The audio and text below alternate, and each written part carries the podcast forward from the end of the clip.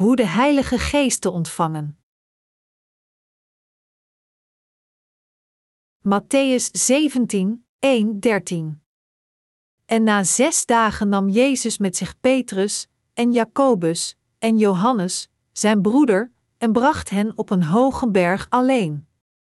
En hij werd voor hen veranderd van gedaante, en zijn aangezicht blonk gelijk de zon, en zijn klederen werden wit gelijk het licht.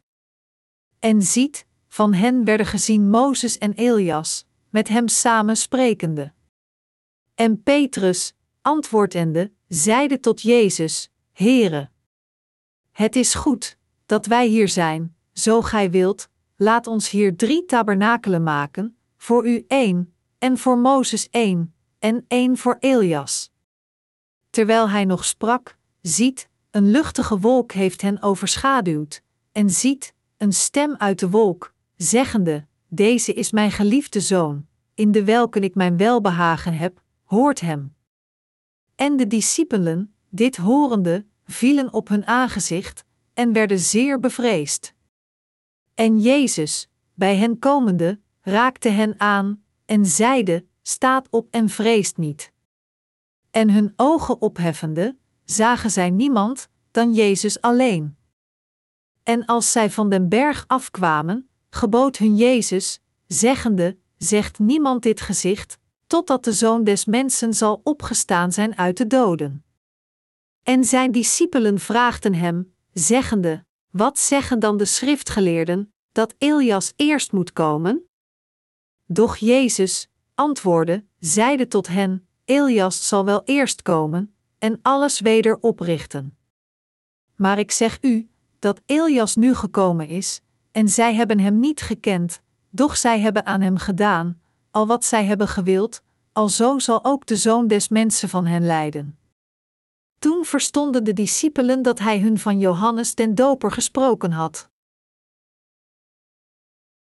In deze eindtijd heeft God ons leden van zijn kerk gegeven, laat ons het evangelie van het water en de geest over heel de wereld prediken, en stelt ons in staat dit evangelie ook aan de zielen van Korea te verspreiden.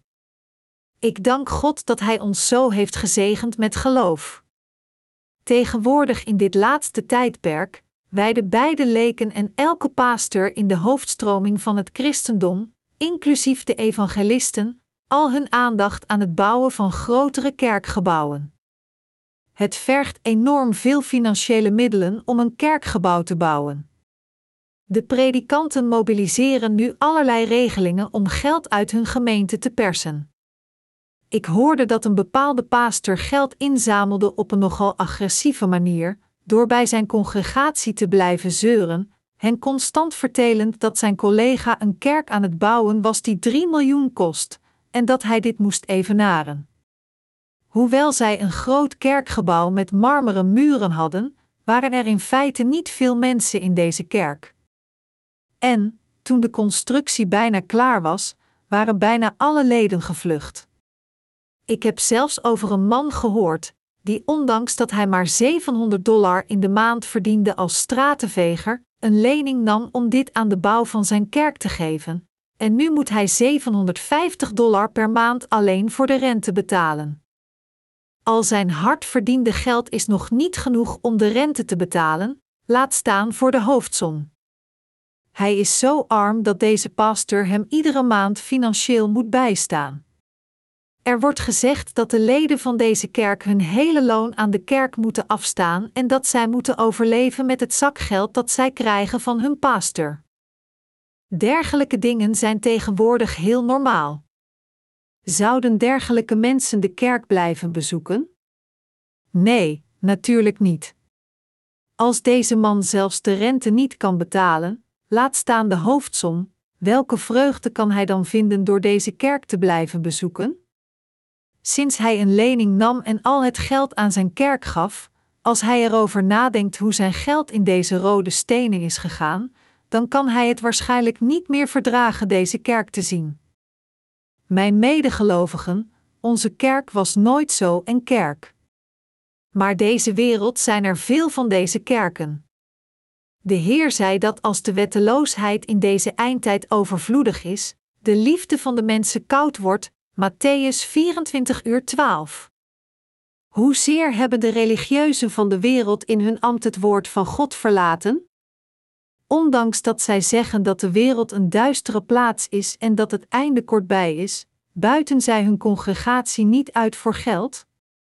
Als Jezus in een paar dagen zou komen, de behoefte van dergelijke pastors is alleen geld om het leven te leiden dat zij willen.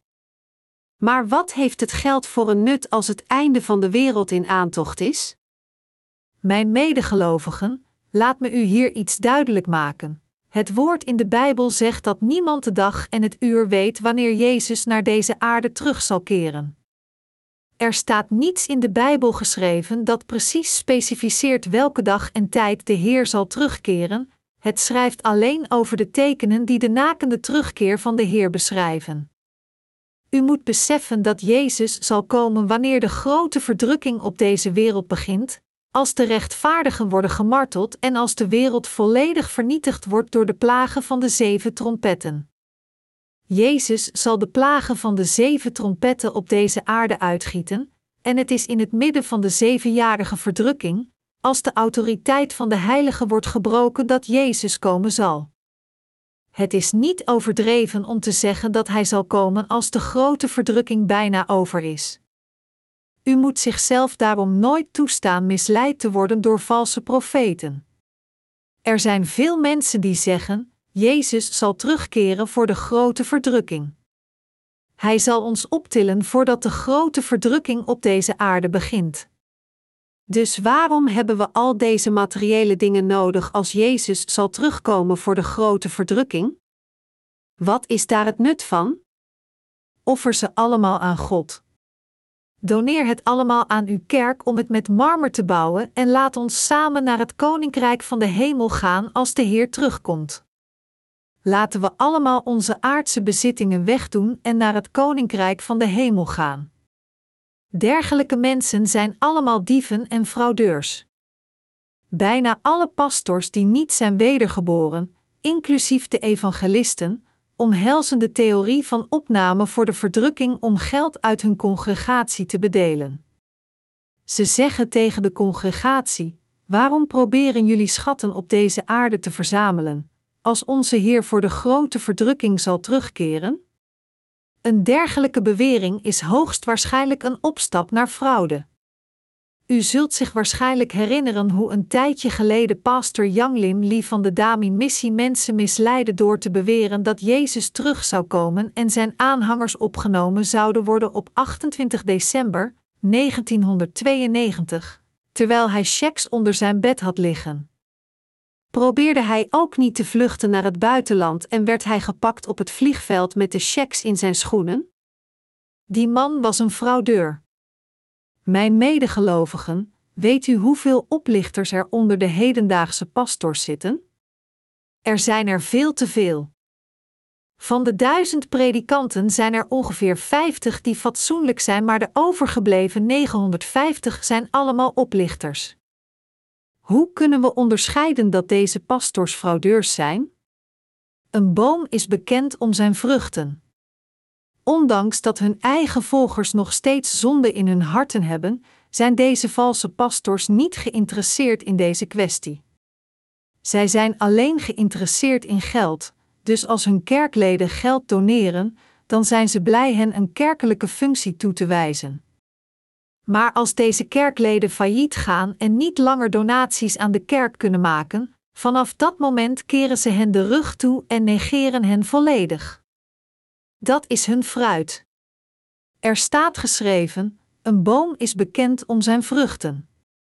Dus ongeacht wat pastors ook zeggen, u en ik moeten ijverig leven, wetend dat wij in deze wereld moeten leven en dat we zoveel mogelijk door de grote verdrukking moeten gaan voordat onze Heer terugkomt. Wat u ook doet, of u een baan hebt of een bedrijf leidt, ik vraag u ijverig te werken en uw leven van geloof verenigd met de kerk te leiden. Als u uw hart met de kerk verenigt, laat ons dan uw zorgen weten en vraag de kerk om voor u te bidden, en vraag hulp bij uw pastor om u door deze moeilijkheden te leiden. Uw pastor en uw medeheiligen zullen allemaal voor u bidden. Ik moedig u aan uw leven trouw te leven tot de dag dat deze wereld eindigt, tot de dag dat uw leven eindigt. Misleid uzelf niet door te denken dat zelfs als u zonden hebt, Jezus u op de een of andere manier zal verheffen als u gewoon in Hem gelooft. Net zoals een magneet alleen metaal optilt, kunnen zondaars niet opgetild worden als de Heer zelf terugkeert uit de hemel met een schreeuw, met de stem van een aartsengel en met de trompet van God. 1 Thessalonicensen 4 uur 16. Opname betekent opgeheven worden in de lucht. 1 Thessalonicensen 4 uur 17. Natuurlijk zal Jezus ons optillen. Echter, de Bijbel zegt niet dat de opname zal gebeuren voor de grote verdrukking. De Bijbel zegt dat deze gebeurtenis tijdens de grote verdrukking zal gebeuren. De Bijbel zegt dat Jezus zal komen met het geluid van de laatste trompet, 1 Corinthiërs 15 uur 52. Wanneer klinkt de laatste trompet? Hij zal aan het einde van de wereld klinken. Waarom brengt God de grote verdrukking naar deze aarde? Hij brengt de grote verdrukking tijdens de laatste oogst om de mensen van Israël te redden. En hij zal het brengen om te stampen op diegenen op deze aarde die tegen God staan en hem brutaal uitdagen. Door de grote verdrukking zal God de mensen nog een laatste kans geven. Door de grote verdrukking toe te staan, zal hij nog een keer de zielen voor de laatste keer oogsten uit hen die aarzelden en weifelden om te geloven in het evangelie van het water en de geest. God wil ook zijn tarwe van het kaf scheiden door de grote verdrukking, zoals er staat geschreven, wiens van in zijn hand is, en hij zal zijn dorsvloer doorzuiveren, en zijn tarwe in zijn schuur samenbrengen, en zal het kaf met onuitblusselijk vuur branden. Matthäus 3 uur 12. Wanneer zijn wannende ventilator zijn wind van de grote verdrukking blaast, zal het kaf worden weggeblazen en zal alleen het koren in de schuur blijven om verzameld te worden. Deze wereld gaat nu door de eindtijd. Echter, we weten niet precies op welke dag, maand en jaar de Heer zal komen. Dus ongeacht dat iemand beweert dat Jezus verschenen is op een berg in een dorp of bij een bepaalde kerk, u moet daar niet naartoe gaan. Ook al zegt iemand dat Jezus verschenen is bij een pastor en door hem spreekt, u mag niet opgewonden raken door dergelijke leugenaars. De katholieke kerk van Korea heeft ooit eens opgeschept dat er een kruis in de lucht verscheen boven hun samenkomst terwijl zij een grote dienst in de buitenlucht hielden. Maar wat voor een nut heeft het voor christelijke zondaars om het kruis in de lucht te zien verschijnen met hun eigen ogen? Net zoals de Bijbel zegt, want met het hart gelooft men ter rechtvaardigheid en met den mond beleidt men ter zaligheid. Romeinen 10 uur 10. Onze zaligmaking wordt bereikt door met het hart in het evangelie van het water en de geest te geloven. Tot de dag dat de Heer terugkomt, moeten wij onze levens van geloof ijverig leven. Kijk naar de bedriegers die mensen misleiden onder het mom van de komende verdrukking van de laatste dagen. Om geld uit hun congregatie te bedelen, pleiten valse profeten voor de theorie van opname voor de grote verdrukking en maken belachelijke beweringen, zeggend: Als u wordt opgetild, maak dan gerust gebruik van de camera op mijn bureau. Zeggen ze dan dat zij worden opgetild, maar hun congregatie niet? Deze mensen zijn niets anders dan oplichters. Laat me het voor u duidelijk maken: u mag uzelf nooit toestaan misleid te worden door dergelijke mensen.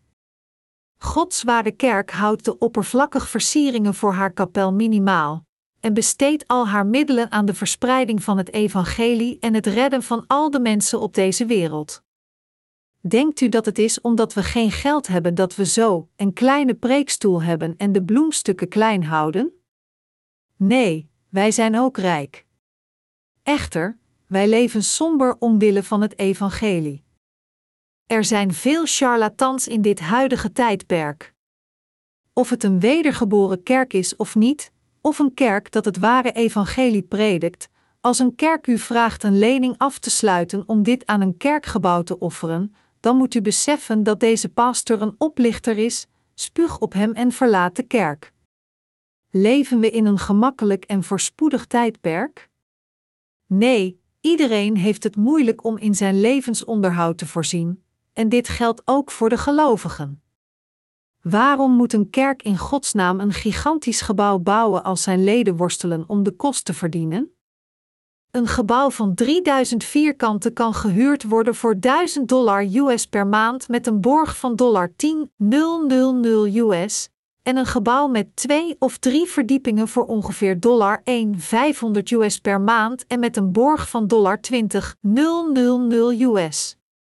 Dus waarom zoveel geld uitgeven om een kerkgebouw te bouwen? Zal de waarde van het gebouw stijgen als het klaar is? Nee, het zal aan waarde verliezen.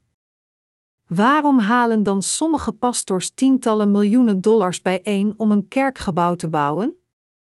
Dit geld is genoeg om het evangelie tientallen keren over de wereld te verspreiden. Denkt u dat een pastor met een heilige stem een ware pastor is?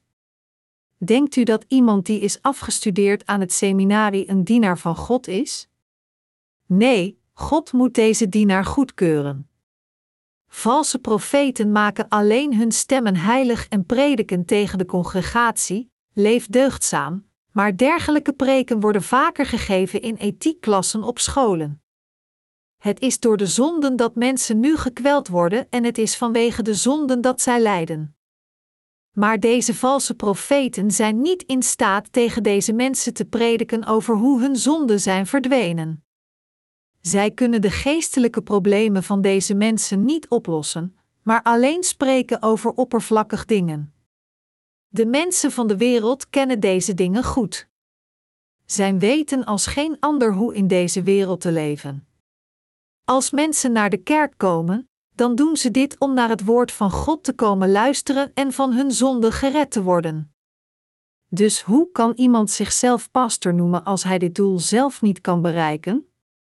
Mijn medegelovigen, het is als wij onszelf verloochenen en vernederen dat Jezus verheven wordt. Wordt Jezus verheven als een pastor pretendeert heilig te zijn, vol bravoure opschept en gladde praatjes heeft? Nee, het is als onze tekortkomingen worden blootgelegd dat de heiligheid van Jezus en zijn rechtvaardigheid worden geopenbaard. Als iemand te heilig en perfect is, dan schijnt alleen zijn eigen rechtvaardigheid, terwijl de perfectie van Jezus niet geopenbaard wordt. In werkelijkheid is iedereen voor God ontoereikend. Is dit niet waar? Natuurlijk is het waar. Maar desondanks zijn er veel pastors die hun woorden zorgvuldig kiezen om zich als heilig voor te doen, net zoals de Fariseërs. Hebt u ooit een oplichter gezien die geen gladde prater was? Als een oplichter fraude gaat plegen, dan heeft hij elk woord al bedacht, klaar om zijn slachtoffer met gladde praatjes te overtuigen. Als een charlatan lijkt op een charlatan, dan is hij een mislukking. Hoe zijn de hedendaagse pastors anders dan oplichters? Ze ontvangen tienduizenden dollars per week voor het geven van enkele preken. Wanneer zij hun kerkleden thuis bezoeken, dan ontvangen zij een dikke envelop gevuld met geld. Maar ondanks al deze beloningen, is er werkelijk iets dat deze pastors voor hun congregatie doen? Als een pastor u bezoekt, geef hem dan niet een envelop gevuld met geld. Het is een vanzelfsprekendheid dat een pastor zijn heilige thuis bezoekt, voor hen bidt en het woord in broederschap deelt. Als u dergelijke enveloppen aan uw pastor geeft, dan zal hij er snel aan gewend raken en u keer op keer blijven bezoeken. Laten we hier eerlijk zijn. Als pastors van wereldlijke kerken kerkleden thuis bezoeken, geven zij hen dan niet enveloppen gevuld met geld? Natuurlijk doen ze dat. Maar door dit te doen veranderen beiden de gever en de ontvanger in dieven. Beide zijn slecht. Waarom moet een kerklid dergelijke dingen offeren als er al een vers salaris wordt betaald aan de pastor door de kerk? Waarom moet iemand een uitgebreid feest voorbereiden voor het bezoek van zijn pastor? Pastors eten al goed, er is voor u geen reden om al die moeite te doen. Als uw pastor u bezoekt, dan vraag hem of hij al gegeten heeft, en als hij zegt dat hij nog niet gegeten heeft, dan geef hem hetzelfde dat u gegeten hebt, en niet een feestmaal. Zet niet allerlei eten op tafel als de pastor u vertelt dat hij al gegeten heeft en leg geen envelop met geld op tafel. Als u iets wil doneren, dan leg dit gewoon in de collectebus. Ik zal het dan eruit nemen en alles spenderen aan het evangelie. Echter, in de kerken van de wereld is het een gebruik dat leden een envelop gevuld met geld aan hun pastor geven als deze hen bezoekt. Maar, in plaats van donaties in de collectebus te stoppen, stoppen ze het in een envelop, schrijven hun naam erop en het bedrag, en leggen dit op de stapel van de preekstoel. Dit is bijna officieel geworden. Maar dit is een heel verkeerd beleid. Ongeacht wat anderen ook doen, wat u en mij betreft, laten we allemaal de Heer dienen tot het eind van de wereld en onze levens leiden om andere zielen te redden. In plaats van naar ons eigen land te kijken, laten we kijken naar de hele wereld en het evangelie overal verspreiden. Ik vraag u ook om uw eigen rechtvaardigheid niet in de kerk te verdedigen. Als het voordelig is voor God, voor de heiligen, voor de dienaren van God en voor andere zielen, dan moet u uw trots inslikken, uw koppigheid opgeven en stoppen met zo verwaand te zijn. Wanneer er ontoereikendheden blootgelegd worden tijdens het volgen van de Heer, dan moet u ze meteen toegeven, zeggend: Ik ben een mens met heel veel tekortkomingen. Dit is wie ik ben. Dergelijke mensen zijn in staat hun levens van geloof comfortabel in de kerk te leven. Het zijn deze mensen die de genade van God kunnen vinden. Maar diegenen die zichzelf er niet toe kunnen brengen om dit te doen en niet kunnen toegeven dat hun tekortkomingen worden blootgelegd, zeggend: Ik ben eigenlijk heel deugdzaam. Dit is niet die ik echt ben, zullen zeker lijden. Als we verder gaan met onze levens, dan doen we soms goede dingen en soms maken we fouten. Als we een fout maken, dan hoeven we alleen maar onze fouten zo snel mogelijk toe te geven en zeggen: Ik probeerde mijn best te doen, maar ik faalde, en geloof dat Jezus al deze zonden wegnam. Ik moedig u alle aan nooit misleid te worden door deze geestelijke dieven. Zowel voor u als voor mij is het een zegen dat wij Gods kerk hebben gevonden en onze levens van geloof erin leiden. Wat probeert Jezus ons te zeggen door het verhaal van zijn transfiguratie? De passage die we hebben gelezen beschrijft een gebeurtenis die plaatsvond toen Jezus drie leerlingen, Petrus, Jacobus en Johannes mee naar een berg nam. Op de berg veranderde Jezus voor hun ogen van gedaante en zijn gezicht scheen als de zon en zijn kleren werden zo wit als het licht. En, toen kwamen Mozes en Elia uit de hemel omlaag en spraken met Jezus. Zijn drie leerlingen zagen dit. Opeen kwam er een stem uit een wolk en zei: Dit is mijn geliefde zoon, in wie ik mijn welbehagen vind. Hoor hem! De leerlingen werden toen heel bang en vielen op hun gezichten trillend van angst.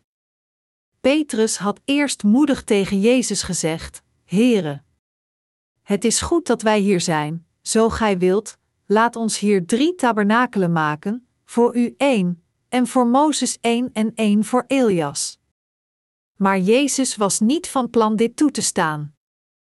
Toen de leerlingen de stem uit de hemel hoorden, vielen zij op hun gezichten en waren zeer bang. Jezus raakte hen toen aan en zei: Staat op en vreest niet. De drie leerlingen waren aan het trillen van angst, maar toen ze opkeken naar de stem van Jezus die hen riep, zagen zij dat hij weer veranderd was naar zijn vorige gedaante. Dat Jezus niet reageerde op de vraag van Petrus om drie tabernakelen te bouwen, betekent dat hij dit negeerde. Ondanks dat Petrus dit serieus vroeg, zei Jezus in zijn waardigheid niets terug.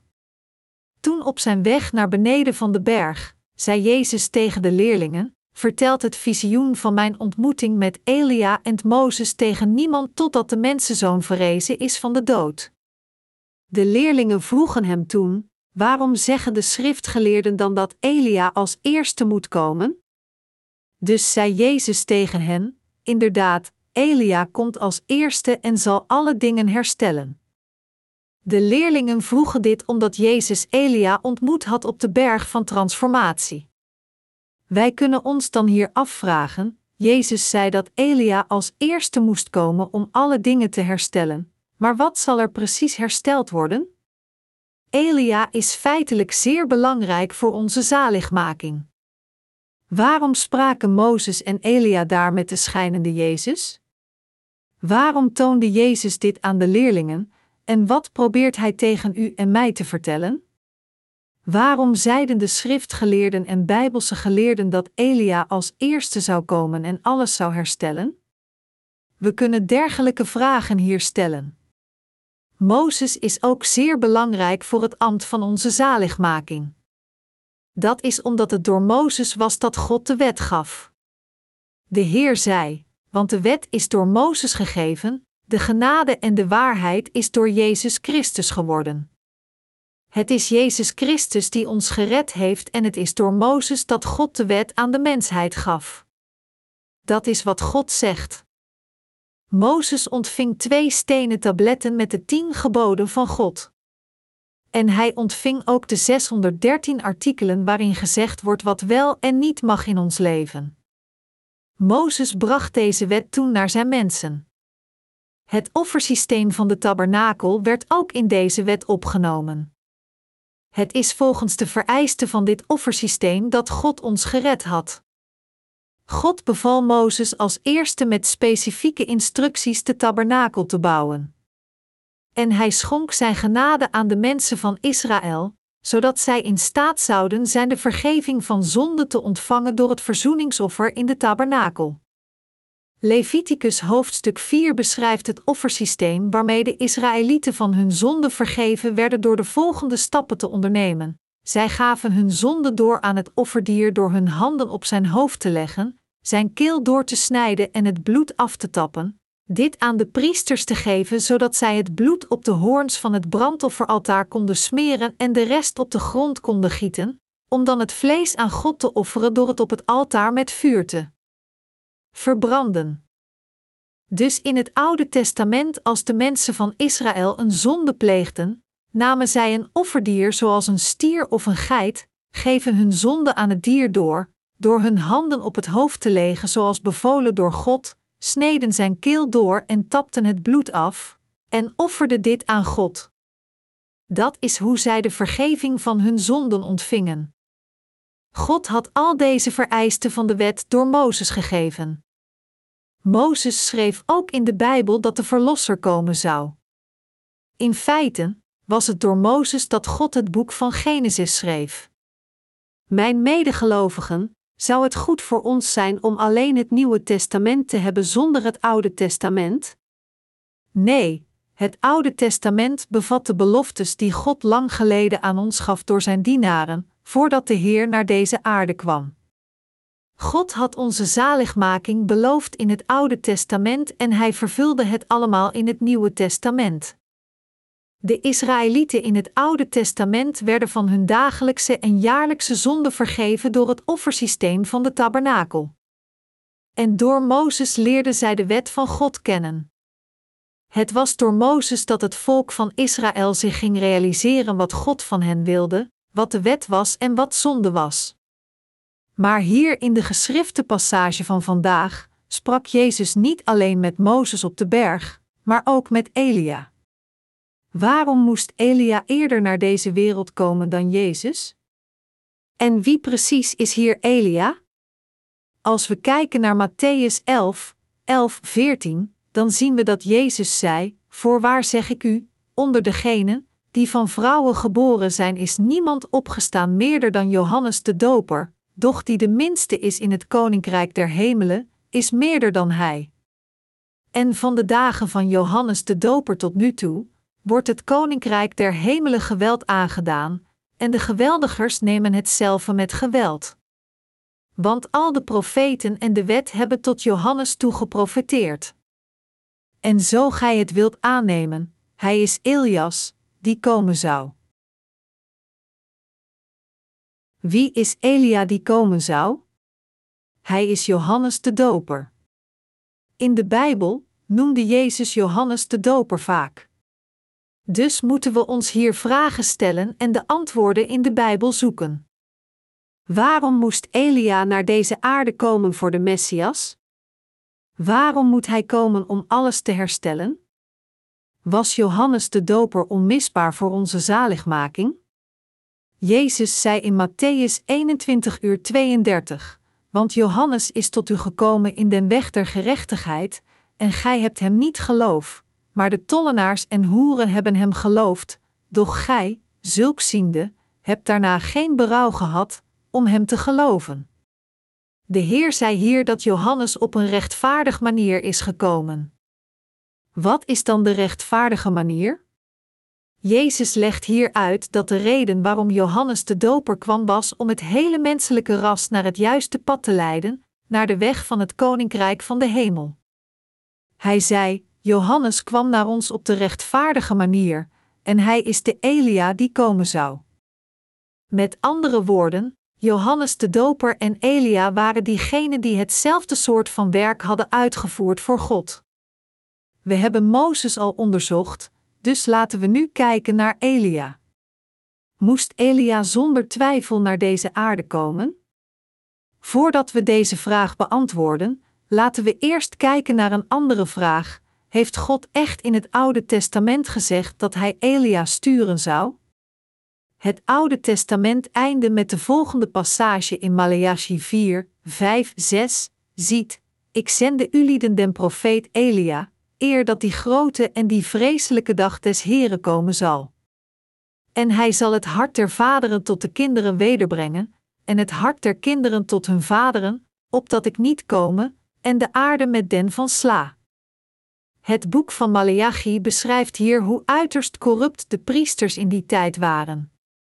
Dus door de profeet Maleachi berispte God deze priesters uiterst hard.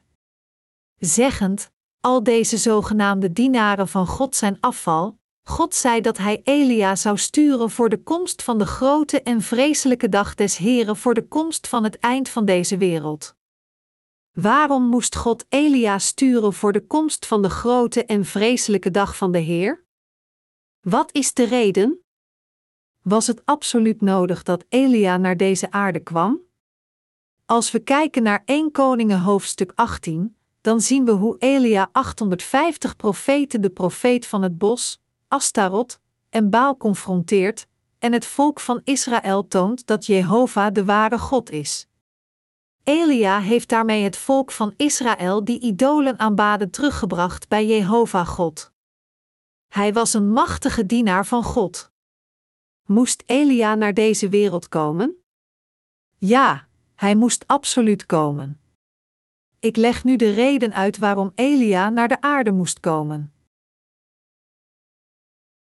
Het offer van de grote verzoendag uit het Oude Testament. Om het offer van de grote verzoendag uit het Oude Testament te begrijpen, laten we hier kijken naar Leviticus 16, 29, 34, en dit zal voor u tot een eeuwige inzetting zijn. Gij zult in de zevende maand, op den tiende der maand, uw zielen verootmoedigen, en geen werk doen, inboorling noch vreemdeling, die in het midden van u als vreemdeling verkeert. Want op dien dag zal hij voor u verzoening doen, om u te reinigen, van al uw zonden zult gij voor het aangezicht des Heren gereinigd worden. Dat zal u een sabbat der rust zijn, opdat gij uw zielen verootmoedigt. Het is een eeuwige inzetting. En de prijster, dien men gezalfd, en wiens hand men gevuld zal hebben, om voor zijn vader het priesterambt te bedienen, zal de verzoening doen, als hij de linnen klederen, de heilige klederen, zal aangetrokken hebben. Zo zal hij het heilige heiligdom verzoenen, en de tent der samenkomst, en het altaar zal hij verzoenen, desgelijks voor de priesteren, en voor al het volk der gemeente zal hij verzoening doen. En dit zal u toe teen eeuwige inzetting zijn, om voor de kinderen Israëls van al hun zonden, eenmaal des jaars, verzoening te doen. En men deed, gelijk als de Heere Mozes geboden had. Deze passage beschrijft het offer van de grote verzoendag die Aaron gaf op de tiende dag van de zevende maand. Volgens het offersysteem van de tabernakel, dagelijkse offers werden geofferd als een Israëliet zelf een offerdier bracht, zijn zonde eraan doorgaf door zijn handen op het hoofd te leggen, zijn keel door te snijden en het bloed op te vangen, en dit bloed samen met het vlees aan de priester gaf. De priester smeerde dan wat bloed op de hoorns van de vier hoeken va het brandofferaltaar en goot de rest op de grond. Al het vlees van het dier werd in stukken gesneden, en alles dat rein was werd op het brandofferaltaar gelegd, terwijl alles dat onrein was buiten werd weggegooid. God noemde dit een brandoffer of zondeoffer. Net zoals we niet al onze zonden kunnen uitwissen door onze eigen gebeden van berouw, wist God dat het volk van Israël niet al hun zonden konden uitwissen door hun dagelijkse offers. Dus vestigde hij de grote verzoendag om eenmaal per jaar na te leven. De datum werd gezet op de tiende dag van de zevende maand. Na deze datum de tiende dag van de zevende maand ingesteld te hebben, verhief God Aaron, de oudere broer van Mozes, als de hoge priester voor het volk van Israël, en door hem werden hun zonden doorgegeven aan het offerdier. De hoge priester offerde als eerste een zondeoffer met een stier voor hemzelf en zijn huishouding. Door zijn handen op het hoofd van deze stier te leggen, gaf Aaron de hoge priester zijn zonde en de zonde van zijn familie door. Anders gezegd, door als eerste dit offer dat de zonde van iedereen die dienst deed in de tabernakel te offeren, zorgde Aaron er als eerste ervoor dat de priesters hun vergeving van zonde ontvingen. Na dit offer bracht Aaron twee geiten en nam een van hen naar de tabernakel. Legde zijn handen op het hoofd van de geit, gaf de zonde van het volk van Israël door aan de geit, zeggend: Heer, het volk van Israël heeft die en die zonde gepleegd. Ze hebben overspel gepleegd, ze hebben moorden gepleegd, en ze hebben elk van uw tien geboden gebroken. Ik geef nu al deze zonden door aan deze geit. Daarna sneed hij de keel van de geit door, nam het bloed en bracht dit naar het heilige der heiligen. Om het heilige der heiligen binnen te gaan, waar de ark des verbonds stond, moest Aaron door het heilige gedeelte gaan. De hoge priester nam het wierookvat en vulde dit met hete kolen van het reukaltaar, ook vulde hij zijn twee handen met fijn gemalen zoete wierook, en stapte hiernaar door de voorhang, ervoor zorgend dat het heilige der heiligen gevuld werd met het aroma van de wierook. In het heilige der heiligen stond de ark des verbonds, die 113 centimeter lang is, 68 centimeter breed is en 68 centimeter hoog is. Het deksel van de ark wordt de verzoendeksel genoemd. Daar sprenkelde de hoge priester het bloed van de geit zeven keer. Gouden bellen werden vastgemaakt aan de zoom van de kleding van de hoge priester. Dus als de hoge priester het bloed in het heilige der heiligen sprenkelde, konden de mensen buiten het geluid van de gouden bellen horen. Ze hoorden de bellen zeven keer rinkelen, zoals ingesteld in het offersysteem van God. Het volk van Israël was dan verzekerd van hun vergeving van zonden, zeggend, zoals vereist door God: Al mijn jaarlijkse zonden zijn nu doorgegeven aan het offerdier. Al de zonden van het afgelopen jaar, die ik niet kon verzoenen met mijn dagelijkse zondeoffers, zijn nu uitgewist geworden. Dit is hoe het volk van Israël de vergeving van hun zonden ontving. Zij verkregen de vergeving van hun dagelijkse zonden door zelf een offerdier te brengen, hun zonden zelf aan het dier te geven en het zelf te doden. Hun jaarlijkse zonden, van de andere kant, werden doorgegeven door Aaron, de vertegenwoordiger van alle priesters van het volk van Israël, namens het hele volk. Toen Aaron stierf, nam zijn eerstgeboren zoon zijn plaats als hoge priester in. Het ambt van hoge priester werd voortdurend doorgegeven aan de afstammelingen van Aaron, maar op elk moment was er maar een hoge priester die het volk van Israël vertegenwoordigde. De hoge priester werd op 30-jarige leeftijd gezalfd en nam op 50-jarige leeftijd ontslag. Hierin ligt de reden waarom Jezus op 30-jarige leeftijd gedoopt werd. Zo geloofde het volk van Israël dat hun jaarlijkse zonden in een keer voor eens en altijd werden kwijtgescholden. Zij geloofden dat de Messias komen zou en dat hij niet alleen hun dagelijkse en jaarlijkse zonden zou accepteren, maar ook al de tijdloze zonden door gedoopt te worden in de vorm van het opleggen van handen. Zij geloofden dat hij aan het kruis veroordeeld zou worden en dat hij daarmee het hele menselijke ras zou redden. Echter, al de priester uit het Oude Testament waren corrupt.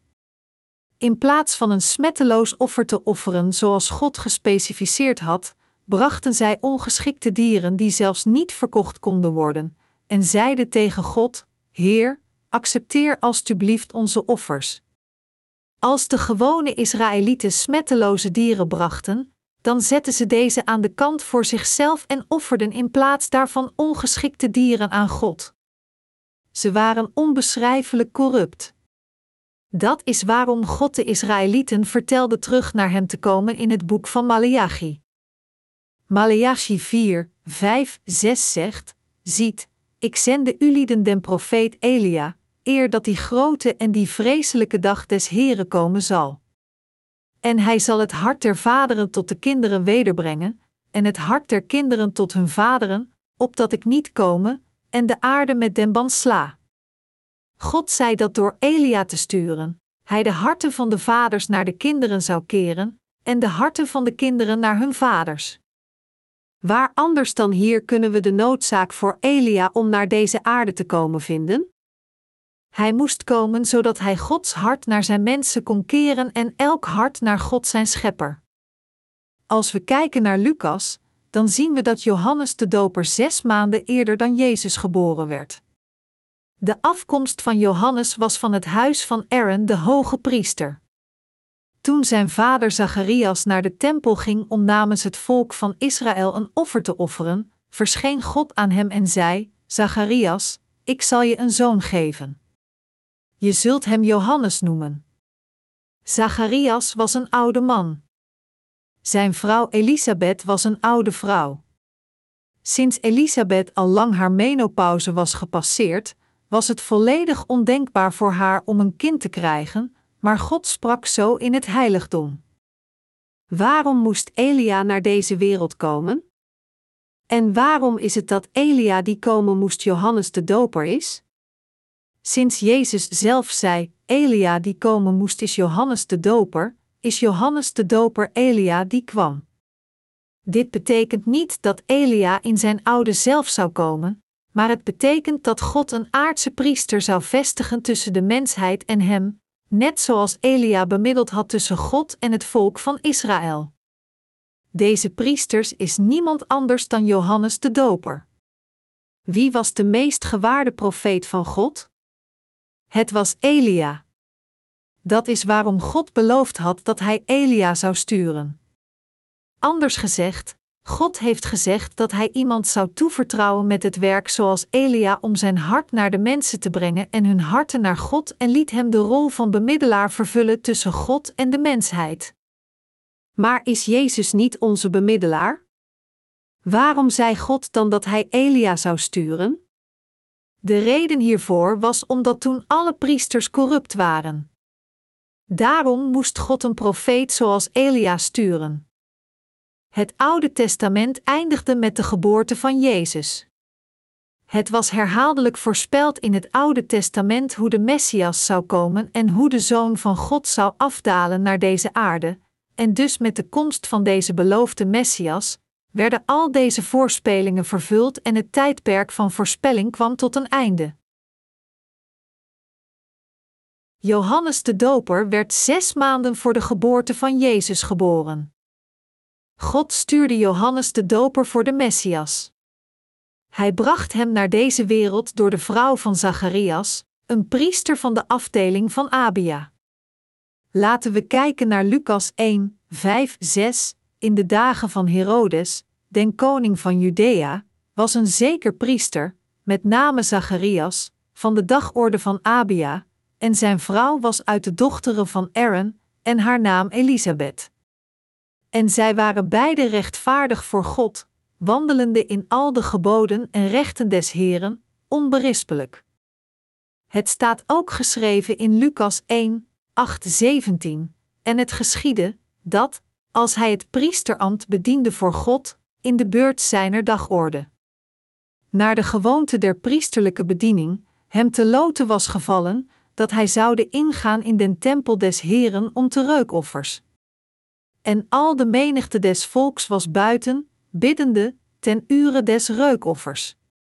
En van hem werd gezien een engel des Heren, staande ter rechterzijde van het altaar des reukoffers. En Zacharias, hem ziende, werd ontroerd, en vrezen is op hem gevallen. Maar de engel zeide tot hem: Vrees niet, Zacharias.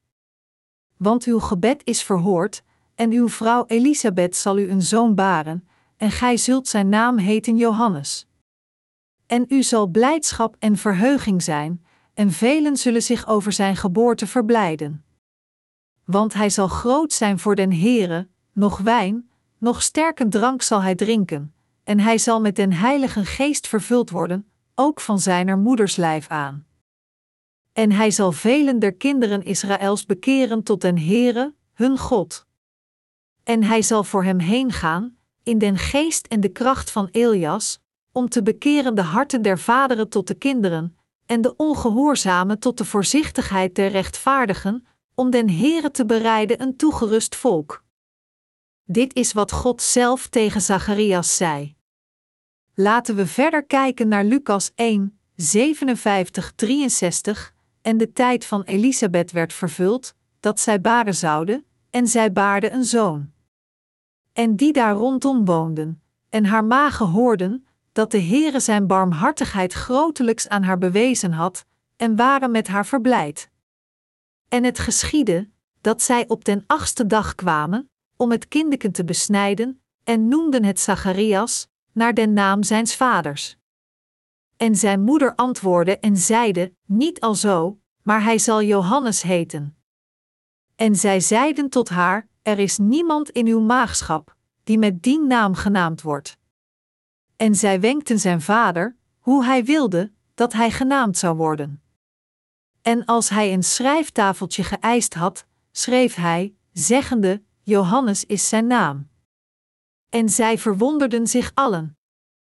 Laten we uiteindelijk de verse 1, 77, 80 lezen. En Zacharias, zijn vader, werd vervuld met den Heiligen Geest, en profeteerde, zeggende: Gelooft zij de Heere, de God Israëls, want hij heeft bezocht en verlossing teweeggebracht zijn volken, en heeft een hoorn der zaligheid ons opgericht in het huis van David, zijn knecht, gelijk hij gesproken heeft door den mond zijner heilige profeten, die van het begin der wereld geweest zijn, namelijk een verlossing van onze vijanden en van de hand al. Dergenen, die ons haten, opdat hij barmhartigheid deed aan onze vaderen, en gedachtig waren aan zijn heilig verbond, en aan den eed, dien hij Abraham, onze vader, gezworen heeft, om ons te geven. Dat wij, verlost zijnde uit de hand onze vijanden, hem dienen zouden zonder vrezen. In heiligheid en gerechtigheid voor hem, al de dagen onzes levens. En gij, kindeken, zult een profeet des Allerhoogsten genaamd worden, want gij zult voor het aangezicht des Heeren heen gaan, om zijn wegen te bereiden, om zijn volk kennis der zaligheid te geven, in vergeving hunner zonden, door de innerlijke bewegingen der barmhartigheid onze Gods, met welke ons bezocht heeft de opgang uit de hoogte, om te verschijnen dengenen, die gezeten zijn in duisternis en schaduw des doods, om onze voeten te richten op den weg des vredes. En het kindeken wies op, en werd gesterkt in den geest, en was in de woestijnen, tot den dag zijner vertoning aan Israël. Waarom moest Johannes de Doper zes maanden voor Jezus komen? Dat was omdat de Heer al de zonde van de mensheid van de hoge priester van de aarde moest accepteren. Als de hoge priester stierf, dan volgde zijn zoon hem op om verder te gaan met het ambt, maar voor verschillende honderd jaren voor de komst van Jezus waren al de priester corrupt. Begerend naar materiële bezittingen, waren deze priesters volledig corrupt. Dus de afstamming van het priesterschap werd afgesneden. Echter, God had de priester Zacharias bewaard, een afstammeling van Aaron de hoge priester, en door Zacharias de priester bracht God Johannes naar deze wereld om Jezus te dopen. In de geest van Elia moest Johannes de harten van de kinderen naar de vaderen keren en de harten van de kinderen naar hun vaderen. En net zoals God het volk van Israël hun zonde aan hun offerdier liet doorgeven door de hoge priester, zo liet God Johannes de doper Jezus op precies dezelfde manier dopen. Dat is waarom God Johannes de zoon van Zacharias zes maanden voor Jezus naar deze aarde bracht. Anders gezegd, God stuurde Johannes de doper, die de geest van Elia had, als de vertegenwoordiger van heel de mensheid die al de zonden van iedereen in deze wereld aan Jezus het lam van God zou doorgeven. Johannes de Doper werd door God zelf gekozen en verheven. God had hem gekozen om dit werk van het doorgeven van al de zonden van de mensheid aan zijn zoon, Jezus Christus, uit te voeren. God had gezegd: Ik zal Elia sturen. Ik zal u slaan als u zich niet bekeert en weigert in het woord gegeven door hem te geloven. En volgens deze belofte stuurde hij Johannes de Doper om op deze aarde geboren te worden. Johannes de Doper is de Elia die God beloofd had om te sturen. Wat deed Johannes de Doper precies toen hij naar deze aarde kwam? Hij gaf de zonde aan Jezus in de rivier de Jordaan. Dat is waarom Jezus tegen de hoofdpriesters en de ouderen van het volk zei: Want Johannes is tot u gekomen in den weg der gerechtigheid, en gij hebt hem niet geloofd, maar de tollenaars en hoeren hebben hem geloofd, doch gij, zulk ziende, hebt daarna geen berouw gehad. Om hem te geloven, Matthäus 21 uur 32. Johannes kwam op een rechtvaardige manier. Hij kwam naar deze aarde om ons mensen naar het juiste pad te leiden, zodat we de vergeving van onze zonden konden ontvangen. Johannes werd naar deze aarde gestuurd door God de Vader zelf, volgens zijn wil. Hij kwam in de geest van Elia. Echter, toen Johannes de Doper naar deze aarde kwam, geloofden veel religieuzen hem niet. Zij geloofden niet dat Johannes de Doper gestuurd werd door God, dat hij kwam in de geest van Elia, en dat hij de dienaar van God was die Jezus Christus moest dopen om al dus de zonde van de wereld aan hem door te geven. Vooral de Fariseërs, de Sadduceërs en de schriftgeleerden geloofden hem niet. Wie geloofde hem dan wel? Dat waren niemand anders dan hoeren en tollenaars. Alleen ronduit zondaars geloofden hem. Tollenaars waren niets meer dan dieven met een licentie zittend in hun belastingkantoren. Hoewel dit niet langer het geval is, was het vroeger zo dat elke belastinginner in Korea in slechts twee jaar een huis kon kopen. Johannes was naar deze aarde gekomen om al de zonden van de mensheid aan Jezus door te geven en hij heeft ze allemaal doorgegeven. In die tijd, geloofden veel mensen met een arme geest in Jezus en de rol van Johannes de Doper, en vooral mensen zoals hoeren en tollenaars die veel zonde pleegden geloofden in hen. Ondanks dat Johannes op een rechtvaardige manier is gekomen geloven op schepperige mensen niet, maar hoeren en tollenaars geloofden wel. Laten we kijken naar de geschriftenpassage van vandaag. Jezus bracht Mozes en Elia naar de berg van transfiguratie en sprak met hen. Hij zei toen tegen de leerlingen: Totdat de mensenzoon gekruisigd is tot de dood en verrezen is, mogen jullie niemand vertellen dat ik Elia en Mozes heb ontmoet en met hen gesproken heb. Dit horend, vroegen de leerlingen: Wat betekent het als er gezegd wordt dat Elia als eerste moest komen om alles te herstellen? Jezus antwoordde: Elia is al gekomen, maar jullie behandelden hem op een manier zoals jullie wilden. Wie hij? Hij is niemand anders dan Johannes de Doper. Dit is wat onze Heer zelf zei. De rol van Johannes de Doper was de rol van Elia en hij is absoluut onmisbaar voor u en mij om gered te worden van onze zonden, voor de verzoening van de mensheid. Om gered te kunnen worden, hebben we Jezus nodig, en we hadden het ook nodig dat Elia kwam. We hebben Mozes ook nodig om onze zaligmaking te ontvangen. Begrijpt u wat ik bedoel? Op de berg van transfiguratie werd Jezus getransformeerd om te schijnen zo wit als sneeuw en de zon. Dit verslag werd ons verteld als voorloper van de dingen die komen en gaan, als we dan opgetild worden op de laatste dag door Jezus en onze lichamen getransformeerd worden, zal alles van onze gezichten tot onze kleding en lichamen, zullen allemaal getransformeerd worden net zoals Jezus getransformeerd werd. Gelooft u dit? Op weg naar beneden van de berg vroegen zijn leerlingen hem: Waarom zeggen de schriftgeleerden dan dat Elia als eerste moet komen? Jezus antwoordde en zei tegen hen: Doch Jezus, antwoordende, zeide tot hen: Elias zal wel eerst komen en alles weder oprichten.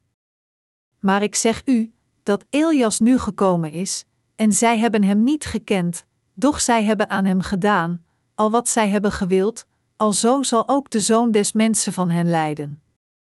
Toen verstonden de discipelen dat hij hun van Johannes den Doper gesproken had, Matthäus 17, 11, 13. Wat bedoelde hij met deze passage? Jezus zei tegen de leerlingen: Elia is zeker gekomen. Hij kwam voor ik kwam. Hij is Johannes de Doper, getuigend dat toen Johannes de Doper hem doopte, hij al de zonden van de mensheid van Johannes accepteerde. Anders gezegd, Jezus zei tegen de leerlingen: Ik ben naar deze aarde gekomen om jullie te redden, en ik heb jullie zonde overgenomen. Diegene die jullie zonden en de zonde van de wereld aan mij doorgaf, is Johannes de Doper. Als zodanig was Johannes de Doper een buitengewoon verheven profeet voor God. Deze buitengewoon verheven profeet droeg de volgende dag nadat hij Jezus zijn doopsel gaf het volgende getuigenis: Zie het Lam Gods, dat de zonde der wereld wegneemt. Johannes 1 uur 29.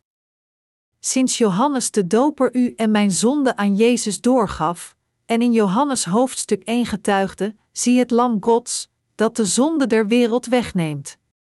Zijn we nu in staat duidelijk de zaligmaking te begrijpen die Jezus naar ons bracht door onze zonden over te nemen en aan het kruis te sterven? Anders gezegd, dankzij het getuigenis van Johannes de Doper, beseffen wij ons nu dat de Heer ons van al onze zonden heeft gered. Als er geen getuigenis van de Johannes de Doper was geweest, en als hij niet onze zonden had doorgegeven, dan was het voor Jezus onnodig geweest om naar deze aarde te komen, en zelfs als hij kwam, had hij niet zijn wil kunnen vervullen. Sinds God beloofd had dat hij al de zonden van het volk van Israël door de hoge priester zou doorgeven, moest hij ook deze belofte in het Nieuwe Testament vervullen. Jezus kwam naar deze aarde om de zonden van de wereld op zich te nemen, maar wie moest hen dan aan hem doorgeven? Het was Johannes de Doper. Jezus zelf beschreef Johannes de Doper als de grootste ooit geboren uit een vrouw. Krijgen mannen kinderen? Nee. Het zijn vrouwen die kinderen krijgen. Wat betekent het dan de grootste ooit geboren uit een vrouw? Het betekent dat Johannes de Doper de vertegenwoordiger van de mensheid is, een buitengewoon verheven profeet en de laatste hoge priester. Aan wie gaf de laatste hoge priester de zonde door? Het was op het hoofd van Jezus Christus dat Johannes de Doper de zonde van de wereld doorgaf door hem te dopen. Dat is waarom de rol van Johannes de Doper zo uitermate belangrijk voor u en mijn zaligmaking is. De noodzaak van het getuigenis van Johannes de Doper. Laten we kijken naar Johannes 1, 6, 7. Er was een mens van God gezonden, wiens naam was Johannes.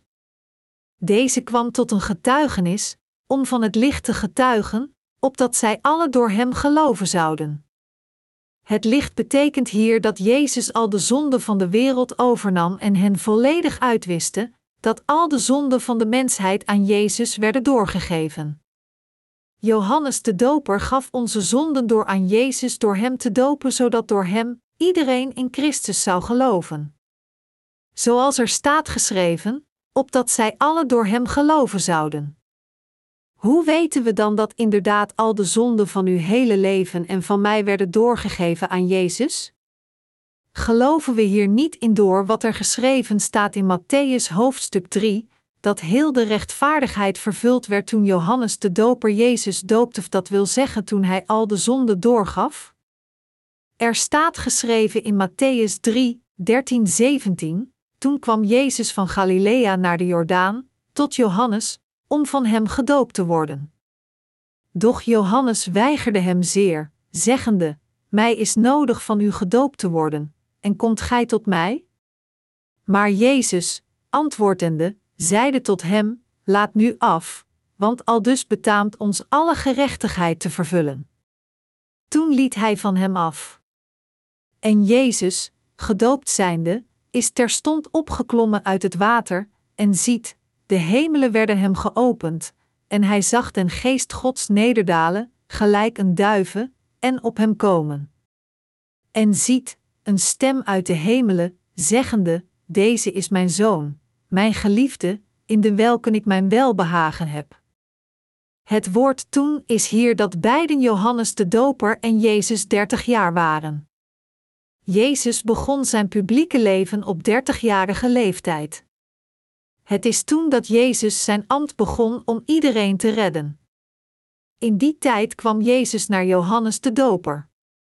Hij liep helemaal van Galilea naar de rivier de Jordaan om gedoopt te worden door Johannes. Maar Johannes probeerde Jezus in eerste instantie tegen te houden, zeggend: Mij is nodig van u gedoopt te worden, en komt gij tot mij? Op het eerste gezicht realiseerde Johannes de Doper zich wie Jezus was. Hij wist dat Jezus de Verlosser van deze wereld was, en daarom weigerde hij hem te dopen. Hebreeën zegt dat Jezus de hoge priester van de hemel is. Jezus is de Zoon van God, en hij kwam naar deze aarde om zijn plichten als de hoge priester te vervullen. Dat Jezus naar deze aarde kwam om het ambt van hoge priester te vervullen is vervat in de naam van Jezus Christus. De naam Jezus betekent de Verlosser. Christus betekent de gezalfde. Alleen drie soorten van ambten werden door God gezalfd. Ten eerste, toen God koningen van Israël in het Oude Testament verhief, liet hij hen zalven door zijn profeten. Bijvoorbeeld, toen David als nieuwe koning gekozen werd, vulde de profeet Samuel een hoorn met olie en goot dit over David, zeggend: Jehovah God heeft u als de koning van het volk van Israël verheven. Toen vluchtte hij snel naar Rama. Waarom vluchtte Samuel? Want hoewel er al een zittende koning was, zei hij tegen een andere man: God heeft u als de koning van Israël verheven. Als de huidige koning dit hoorde, dan zou Samuel zeker dood zijn geslagen, en daarom liep hij voor zijn leven nadat hij David gezalfd had. Ten tweede, Aaron de hoge priester en zijn afstammelingen werden gezalfd toen zij ingewijd werden in hun priesterschap. Tegenwoordig, als een paaster ingewijd wordt, leggen de voorzittende pastors hun handen op zijn hoofd nadat zij hun handen in een olieplaat hebben gelegd. Met dit opleggen van handen wordt de macht van de voorgaande dienaren van God overgedragen aan diegene op wie hun handen wordt gelegd. Ten derde, profeten werden gezalfd. Iedereen die gehoorzaamt en de wil van God verspreidt, moest gezalfd worden. Wat is de geestelijke betekenis van zalving? De hedendaagse gezalfde mensen zijn niemand anders dan diegenen die de vergeving van zonden hebben ontvangen en de Heilige Geest in hun harten. Iemand die niet de vergeving van zonden heeft ontvangen, zou niet als pastor mogen werken.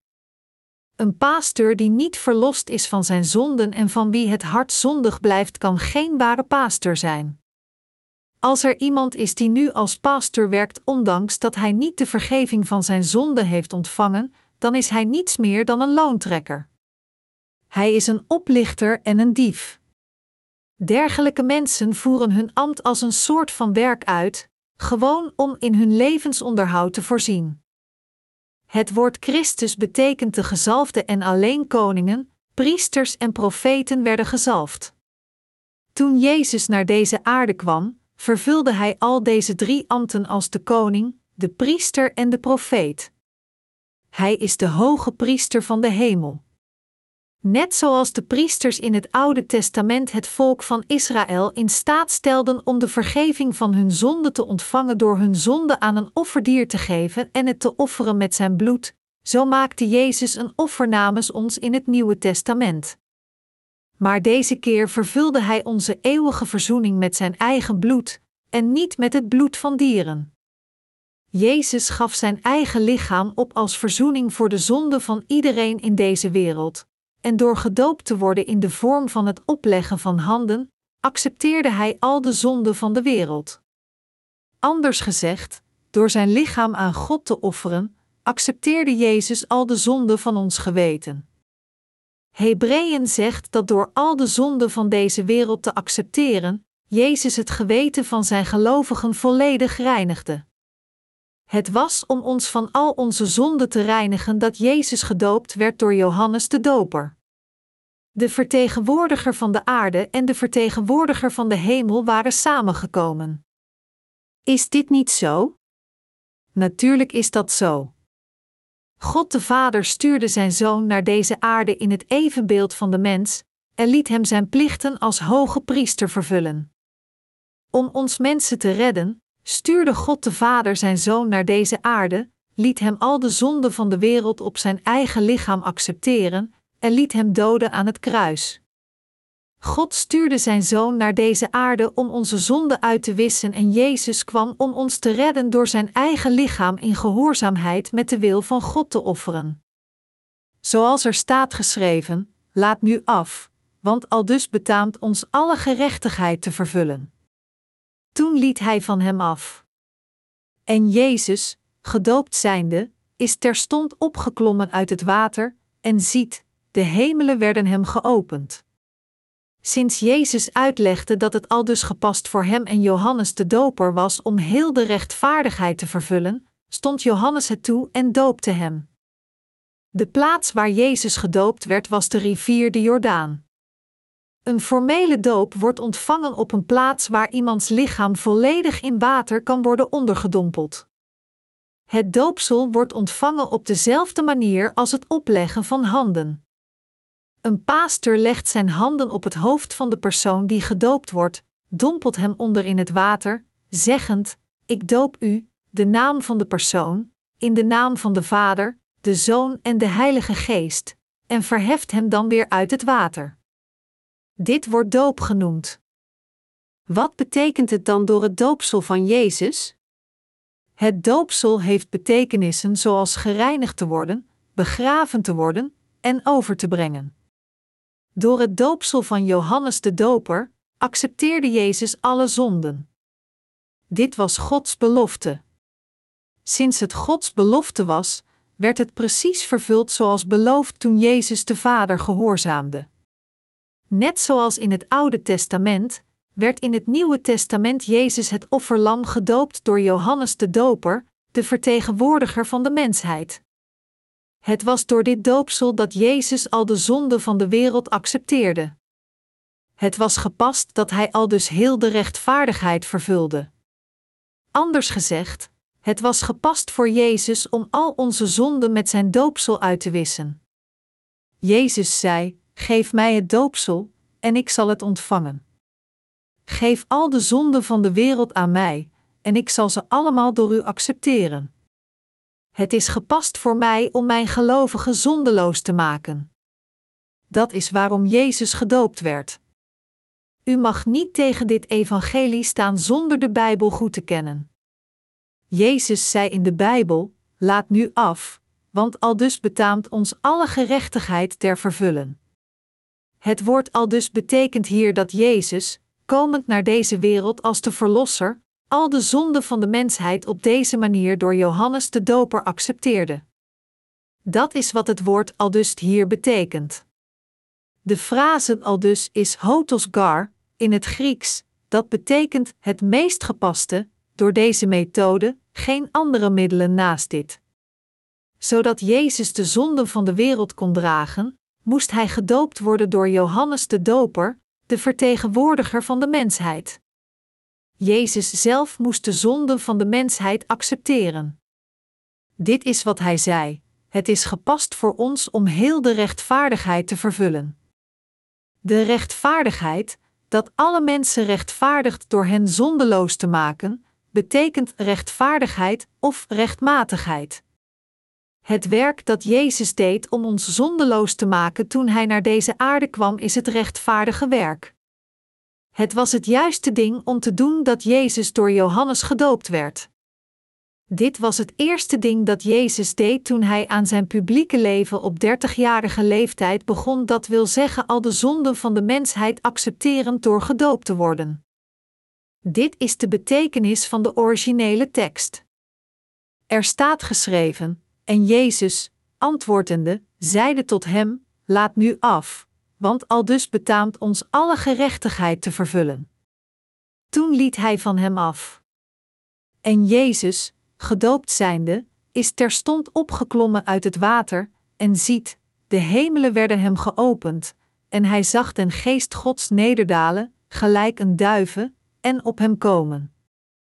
En ziet, een stem uit de hemelen, zeggende: Deze is mijn zoon, mijn geliefde, in de welke ik mijn welbehagen heb. Er wordt hier gezegd dat toen Jezus uit het water kwam na zijn doopsel, de poort van de hemelen geopend werd, de Heilige Geest afdaalde als een duif en de Vader zei: Deze is mijn zoon, mijn geliefde, in de welke ik mijn welbehagen heb. Met andere woorden, God de Vader zei: Mijn zoon gehoorzaamde mijn wil door gedoopt te worden door Johannes de Doper, en zo de zonde van de mensheid accepterend. Daarom verheugde de Vader zich in zijn hart. Het was door zijn zoon dat God de Vader vreugde vond. Er staat geschreven: Want al zo lief heeft God de wereld gehad, dat Hij zijn enige geboren zoon gegeven heeft, opdat een iegelijk die in Hem gelooft, niet verderven, maar het eeuwige leven hebben. Johannes 3 uur 16.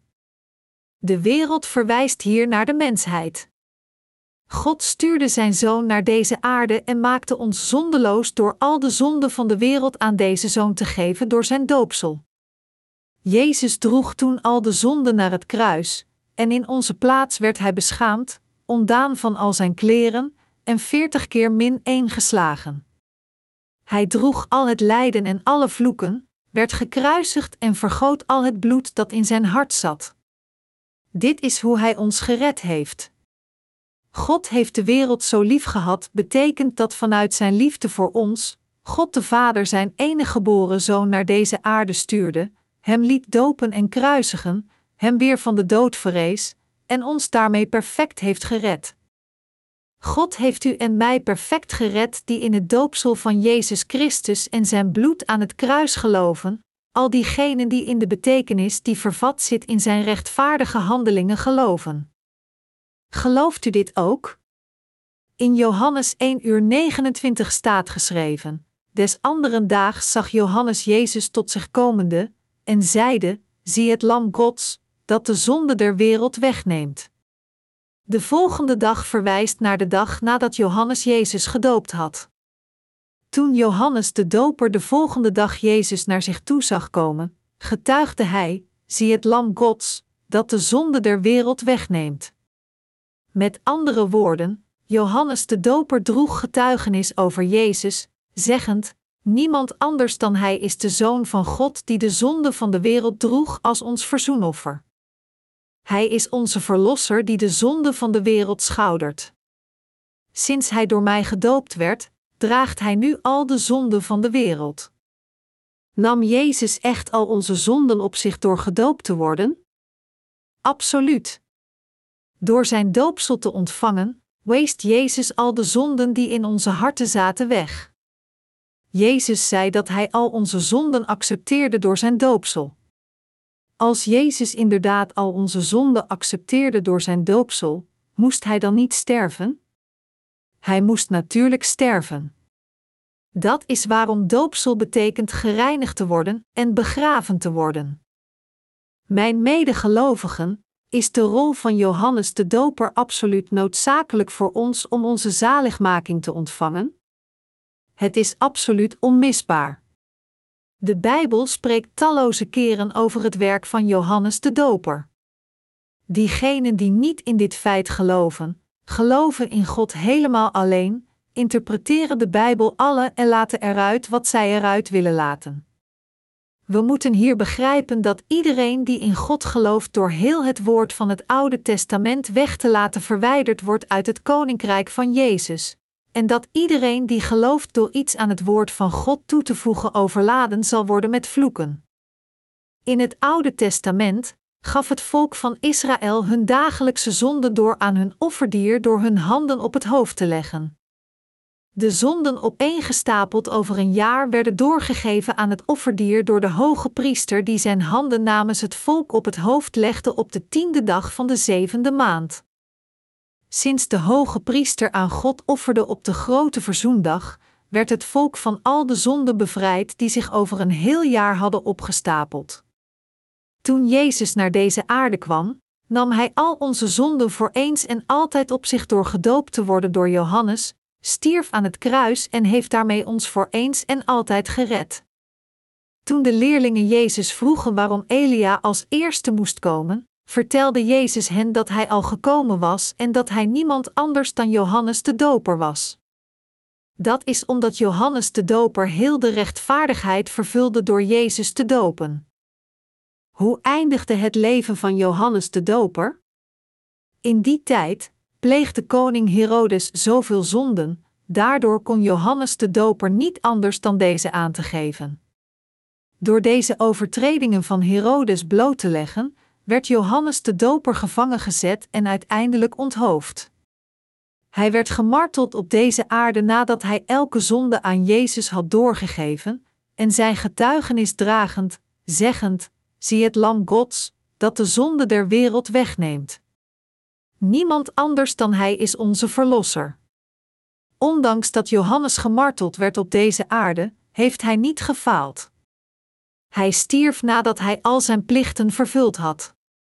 Hij heeft gezegd: Hij, Jezus, moet wassen, maar ik moet minder worden. Johannes 3 uur 30. Johannes de Doper vervaagde nadat hij zijn rol had vervuld. Hij moest niet meer verheven worden door de Israëlieten. Johannes de Doper droeg getuigenis over onze zaligmaking, zeggend dat Jezus al de zonden van de wereld accepteerde en hen wegnam en na zijn roeping te hebben vervuld, werd hij gemarteld. Als zodanig moeten we ons realiseren wat voor een groot man Johannes de Doper was en in zijn ambt geloven. Waarom benadrukken wij Johannes de Doper zo? Sommige mensen vragen ons: zijn jullie volgers van Johannes de Doper? Maar Jezus zei in de Bijbel: ondanks dat Johannes op een rechtvaardige manier kwam, geloofde u hem niet, maar tollenaars en hoeren geloofden. Deze tollenaars en hoeren zullen als eerste de hemel binnengaan, terwijl u verlaten wordt. Jezus bleef Johannes de Doper en zijn ambt benadrukken. Hij zei dat Johannes de Doper op een rechtvaardige manier kwam. Net zoals God beloofd had, gaf Johannes de Doper voor ons al onze zonden door aan Jezus.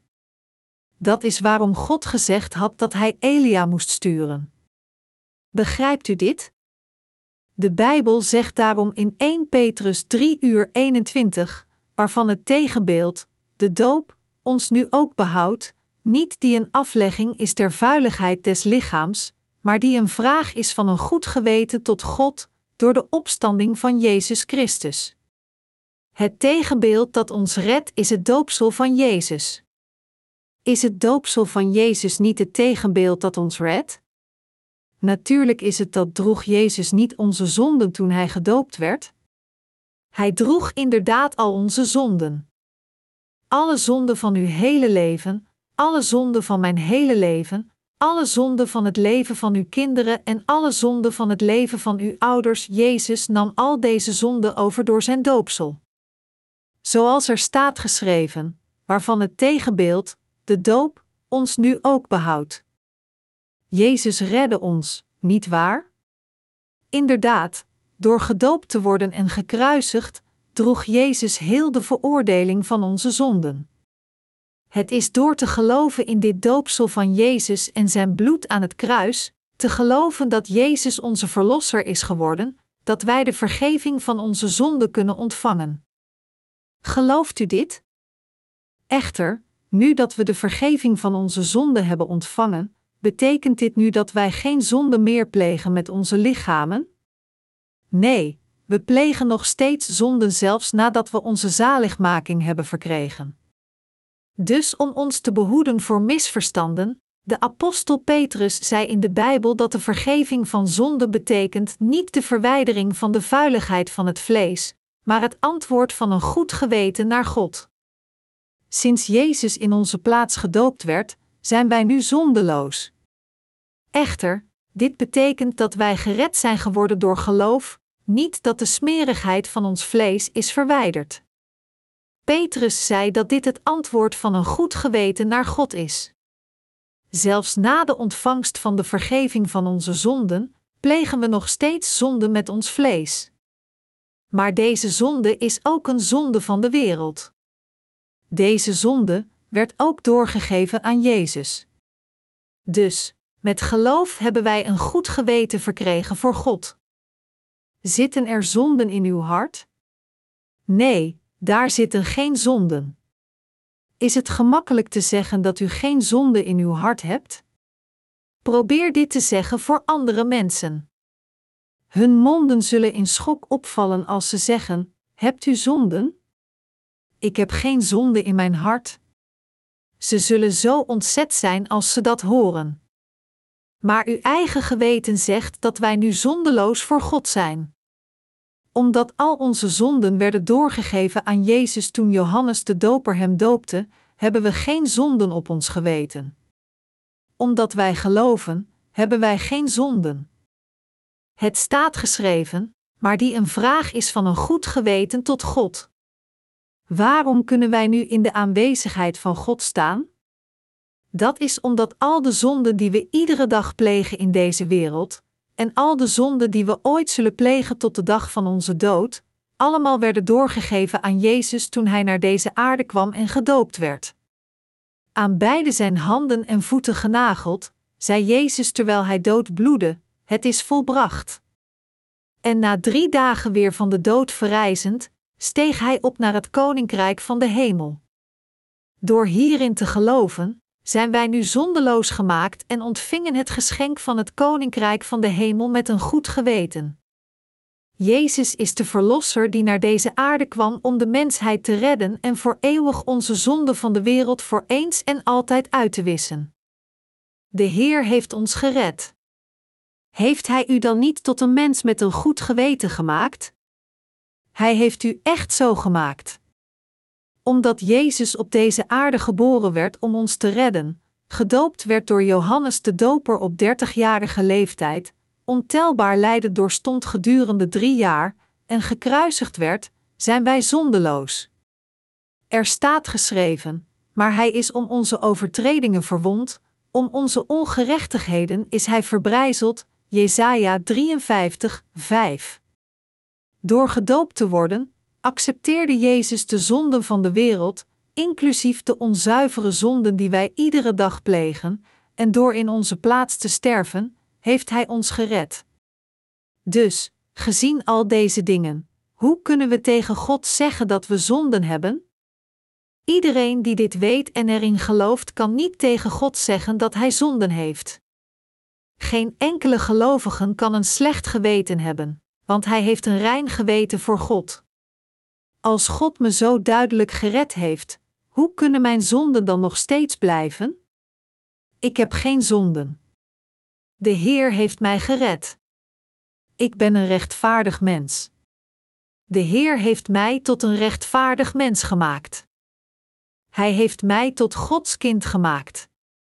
De Bijbel zegt: Maar zoveel hem aangenomen hebben, dien heeft hij macht gegeven kinderen Gods te worden, namelijk die in zijn naam geloven, Johannes 1 uur 12. En het zegt ook, want met het hart gelooft men ter rechtvaardigheid en met den mond beleidt men ter zaligheid. Romeinen 10 uur 10.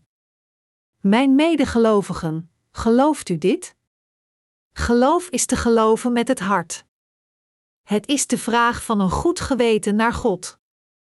Diegenen die in het evangelie van het water en de geest geloven, beleiden het volgende: Vader, sinds Jezus mijn zonden droeg door gedoopt te worden, en sinds Hij zijn bloed tot de dood vergoot, hebt u mij zo gered. God, ik sta nu voor u door mijn geloof in Jezus te plaatsen. Ik geloof in u. Ons geloof is niet gebaseerd op onze eigen emoties. De Bijbel zegt, waarvan het tegenbeeld, de doop, ons nu ook behoudt. De apostel Petrus beloofde zo. Hoe zit het dan met u? Gelooft u ook zo? Ik geloof ook hierin. De Heer heeft ons inderdaad op deze manier gered. Ik ben Hem zo dankbaar. Ondanks dat we soms ontoereikend zijn, omdat de Heer feitelijk al onze zonde overnam, zijn wij nu Gods kinderen. We geloven altijd in dit evangelie met onze harten, en wanneer we zonde plegen vanuit onze ontoereikendheid, dan hoeven we alleen maar onze fouten toe te geven. Nu wil ik u graag een paar dingen over gebeden van belijdenis vertellen. Sommigen van u hebben waarschijnlijk nog steeds het verlangen om gebeden van berouw te geven, niet waar? Iemand die gewend is om gebeden van berouw te offeren, zal deze drang uit gewoonte hebben. Als u zonden pleegt na de ontvangst van de vergeving van uw zonden, moet u gebeden van belijdenis geven, tegen God zeggend: Heer, ik heb deze zonde gepleegd. In plaats van God om vergeving te vragen, moet u eerlijk uw zonde aan God bekennen, zeggend: Heer, ik heb gezondigd. En dan het evangelie opnieuw bevestigen, beseffend: deze zonden werden ook allemaal aan Jezus doorgegeven toen hij gedoopt werd. Als we erkennen dat deze zonden ook allemaal aan Jezus werden doorgegeven toen hij gedoopt werd, zullen we ons nog dankbaarder voelen voor onze zaligmaking. Dat is waarom 1 Johannes 1, 9 zegt: Indien wij onze zonde beleiden, Hij is getrouw en rechtvaardig, dat Hij ons de zonde vergeven en ons reinigen van alle ongerechtigheid. Als we onze zonde beleiden, spreekt de Heilige Geest tegen ons in onze harten, zeggend: Maak u geen zorgen, want ook deze zonden werden doorgegeven aan Jezus Christus toen Hij gedoopt werd. Dat is waarom we nu leven met onze gezichten verlicht als de zon. Het is omdat de Heilige Geest in onze harten woont dat wij God zo dankbaar zijn en in staat altijd een vreugdevol leven te leiden. We zijn gered ondanks onze ontoereikendheden en dat is juist waarom wij altijd dankbaar zijn. Per slot van rekening, als God ons voor onze eigen verdiensten gered had, wie onder ons zou Hem dan bedanken? Het is juist omdat Hij ons gered heeft ondanks onze gebreken dat wij zo dankbaar zijn. Dus in deze wereld worden alleen diegenen gered die gebrekkig zijn. Maar er zijn meer gebrekkig mensen die niet in dit evangelie geloven en dat is waarom zij naar de hel gaan.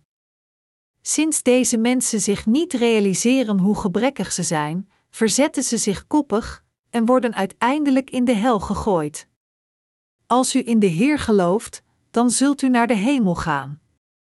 Als deze wereld donkerder wordt, zal onze Heer komen. Omdat wij in het evangelie van het water en de geest geloven voor de Heer, zijn wij Gods eigen kinderen. Wij zijn Gods mensen geworden door geloof. De Heer heeft ons met een dergelijke liefde bekleed dat het voor mij onmogelijk is dit nu te beschrijven. Dus als u vanavond naar bed gaat, dan vraag ik u over deze liefde na te denken. Ik weet zeker dat u uzelf vol vreugde hoort lachen, tegen uzelf zeggend: Wauw! Hoe fantastisch is het dat ik nu een rechtvaardig persoon ben en dat ik nu geen zonden heb. Uw wederhelft of uw kinderen zullen denken dat u gek bent geworden, maar toch, u hebt zo en grote vreugde ontvangen dat u dit gewoon niet kunt verstoppen. Dus voel u vrij om in de kerk te getuigen over hoe de Heer al uw zonden heeft uitgewist en vertel iedereen hoe gelukkig uw hart is. Als u vragen heeft over het woord, dan vraag dit gewoon aan een heilige in de kerk. Al uw vragen worden beantwoord. Er zijn veel grote broeders en zusters in de kerk. Diegenen die net hun vergeving van zonden hebben ontvangen zijn het jongste. Ik geef heel mijn dankbaarheid aan God voor het wegnemen van al onze zonden. Halleluja!